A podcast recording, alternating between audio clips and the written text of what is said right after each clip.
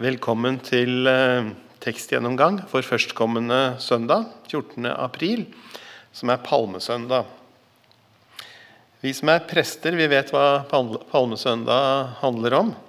Og vi kan forvente at mange av de som sitter nede i kirken på søndag, også vet hva det handler om. Jesu inntog i Jerusalem noen dager før den fortettede påskehistorien med skjærtorsdag, langfredag og påskedag. Selv så er jeg søndagsskolelærer og hadde palmesøndag for to dager siden. Det opplegget som eh, Søndagsskoleforbundet har, Sprell levende, har markeringen av palmesøndag en uke før tiden. Sannsynligvis fordi mange menigheter ikke har søndagsskole på det som for mange barn er en litt lang påskeferie. Eh, men, søndags, men palmesøndagsfortellingen hører eh, likevel med, og derfor er den lagt en uke før. Eh, og Derfor vet noen av barna om hva som skjedde på palmesøndag. og vi kan forvente at mange av de som kommer til kirken på søndag, vet hva det handler om. Jesus rir inn i Jerusalem på et esel, og folket hyller ham som konge med klær på bakken og palmegreiner i hendene. Men fullt så enkelt er det jo ikke. Palmesøndagens tekster gir oss alltid et perspektiv på Jesu inntog i Jerusalem. Vi inviteres til å se inntoget og Jesus som konge fra et eller annet nærmere bestemt ståsted. På søndagsskolen for to dager siden så var teksten fra Matteus 21 med versene 1-11 om selve inntoget i Jerusalem. Og så var det lagt til og lest sammen med versene 12-17, som er Jesu, Jesus som rydder opp på tempelplassen. Jeg har en søndagsskoleklasse fra 8 til 12 år. Og helheten i den teksten vi hadde, altså både inntog og tempelrenselse, inviterte til en samtale om, en, om Jesus som en konge som vil ha rettferdighet. Eh, og om barn, for det står om eh, barn i den teksten, til eh, de skriftlærdes og overprestenes irritasjon, så ropte disse barna Hosianna. I de eh, tre teksttrekkene vi har i kirken, er det på samme måte noe ulike perspektiv som preger palmesøndagstekstene. Første tekstrekke har eh, Johannes 12, 12-24 som evangelietekst, hvilket vil si inntoget i Jerusalem sett i lys av resten av påskens budskap. Og Det avsluttes med hvis ikke hvetekornet faller i jorden og dør, blir det bare dette ene kornet. Men hvis det dør, bærer det rik frukt. Andre tekstrekke har Matteus 26, 6-13 som evangelietekst. Jesus blir salvet i Betania. Og Her er det opp til predikanten å knytte an til eh, palmesøndagsmotivet uten noen eksplisitt hjelp fra noen av de tre tekstene. Og Så er det tredje tekstrekke, som vi er inne i nå, med fulgt opp av eksplisitte anknytninger nettopp til palmesøndag. Den gammeltestamentlige teksten er eh, hentet fra Zakaria 9, versene 9-10, der det står Bryt ut i jubel, datter Sion, rop av glede, datter Jerusalem. Se, din konge kommer til deg, rettferdig og rik på seier. Fattig er han og rir på et esel, på en eselfole. Jeg skal gjøre ende på vognene i Efraim og hestene i Jerusalem. Krigsbuen skal brytes i stykker. Han skal forkynne fred for folkeslagene. Hans velde skal nå fra hav til hav, fra Storelven til jordens ender. Teksten er et uh, frelsesord til Jerusalem om en konge hvis regime preges av rettferdighet og fred. Dette er et motiv som uh, finnes flere steder i Det gamle testamentet, dels i salmene og dels hos noen av profetene. Rettferdighet er en del av freden, og den inkluderer folkeslagene helt til jordens ender, sier denne teksten her. Det sies også i Bibelselskapets 2011-utgave, som jeg leste, og i mange andre moderne bibelutgaver, at denne kongen er rik på seier. De som leser den hebraiske teksten og de klassiske oversettelsene, vil se at uh, det her brukes frelsesterminologi. På tross av, eller kanskje pga. dette storslagne budskapet, så tegnes kongen i noe nedverdigende termer, som fattig og som ridende på et esel. To av evangeliene, Matteus og Johannes, det er det siste som er dagens tekst, leser så denne Zakaria-teksten inn mot Jesu inntog i Jerusalem på palmesøndag. Se, din konge kommer til deg, rettferdig og rik på seier. Fattig er han og rir på et esel på en eselfole. Men før vi kommer til den teksten, så må vi lese epistelteksten, som nå på søndag er hentet fra Filippebrevet kapittel 2. La samme sinnelag være i dere som også var i Kristus Jesus. Han var i Guds skikkelse og så det ikke som et rov å være Gud lik, men ga avkall på sitt eget, tok på seg en tjenerskikkelse og ble mennesker lik. Da han sto fram som menneske, fornedret han seg selv og ble lydig til døden, ja, døden på korset. Derfor har også Gud opphøyd ham til det høyeste og gitt ham navnet over alle navn. I Jesu navn skal derfor hvert kne bøye seg, i himmelen, på jorden og under jorden, og hver tunge skal bekjenne at Jesus Kristus er Herre, til Gud Faders ære.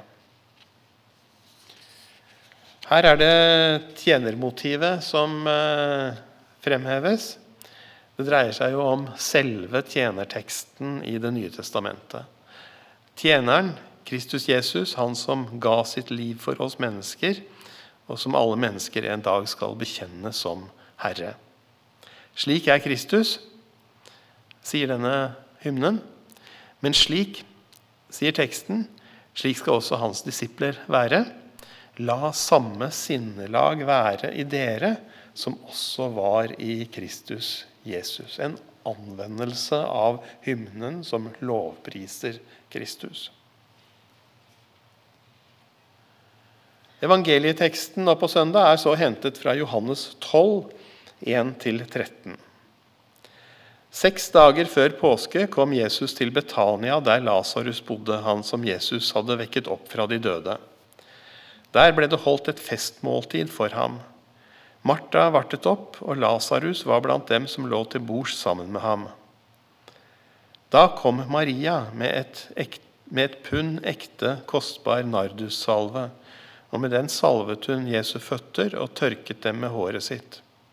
Hele huset ble fylt av duften. Da sa Judas Iskariot, en av disiplene, han som siden forrådte ham, Hvorfor ble ikke denne salven solgt for 300 denarer og pengene gitt til de fattige? Dette sa han ikke fordi han hadde omsorg for de fattige, men fordi han var en tyv. Det var han som hadde pengekassen, og han pleide å ta av det som ble lagt i den. Men Jesus sa, 'La henne være.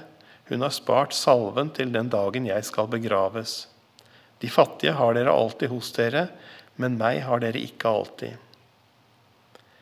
Det ble kjent i den store, store mengden av, av, jøder at Jesus var i Betania. Nå kom de dit, ikke bare for hans skyld, men også for å se Lasarus, som han hadde vekket opp fra de døde. Da la overprestene planer om å drepe Lasarus også. For mange av jødene dro dit pga. ham og kom til tro på Jesus. Dagen etter fikk folkemengden som var kommet til festen, høre at Jesus var på vei inn i Jerusalem. De tok palmegrener og gikk ut for å møte ham, og de ropte Hosianna, velsignet er Han som kommer i Herrens navn, Israels konge.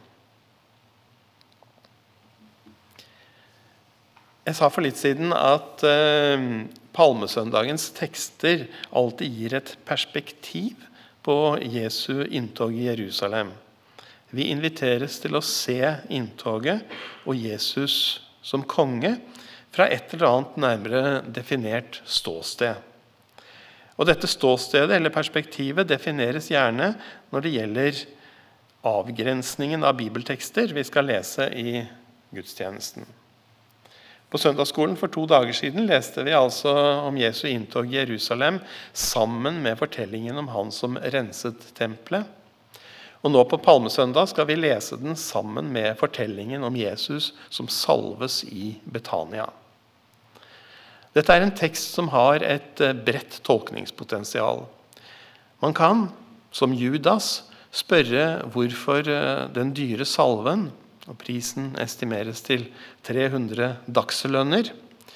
Eh, hvorfor dette ikke ble brukt til fattigdomsbekjempelse. Det er jo et betimelig spørsmål. Eller man kan, som Maria, tenke at han lot meg gjøre det. Og han forsvarte meg da Judas kritiserte meg. En eksistensiell erfaring med et stort tolkningspotensial inn mot andre kvinner som blir forsøkt marginalisert av Jesu disipler. Jeg vil i stedet som tolkningsperspektiv vektlegge den rolle fortellingen har i Johannesevangeliet, og den tekstavgrensning vi har i Palmesøndags evangelietekst. Det finnes flere parallelle tekster i de synoptiske evangeliene. Men det Johannes gjør med denne fortellingen, det er å koble den eksplisitt til påske. Seks dager før påske sier teksten at det skjedde. Og umiddelbart etter kommer palmesøndag, introdusert med ordene 'dagen etter'. Det hører altså sammen. I Johannesevangeliet fungerer salvingen som en tydelig kongesalving før kongens inntog dagen etter i Jerusalem. Han som red inn i Jerusalem, var nå salvet. Det var som en salvet konge. Han red inn. Og Dette er en konge, slik eh, GT-teksten sier det, som kommer til deg. Rettferdig og rik på seier. Fattig er han og rir på et esel, på en eselfole. En konge som kommer til deg. En konge som kommer til vanlige folk også til fattige, også til de som faller utenfor. En som konge som kommer inn i vår erfaring, inn i vår hverdag, inn i der vi er, og vil være nær oss og prege oss. Og Videre er dette en konge, slik eh, epistelteksten fra Filippebrevet sier det, som var i Guds skikkelse og ikke så det som et rov å være Gud lik, men ga avkall på sitt eget, tok på seg en tjenerskikkelse og ble menneskelik. En konge som ikke bare kom til oss vanlige folk. En konge som ikke bare dukket opp i eh, vår virkelighet, men som kom for å tjene oss. En konge som kom for å skape fellesskap mellom oss mennesker og mellom oss og Gud. Og nå på søndag, på palmesøndag så har vi da og derfor tre tekster som trekker sammen. GT-teksten fra Zakaria 9 har et språk og et innhold som gjenbrukes i evangelieteksten. Se, din konge kommer til deg, rettferdig og rik på seier. Fattig er han og rir på et esel, på en eselfole.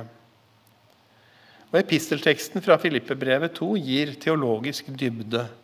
Både til Jesu fornedrelse Han ga avkall på sitt eget, tok på seg tjenerskikkelse og ble menneskelik.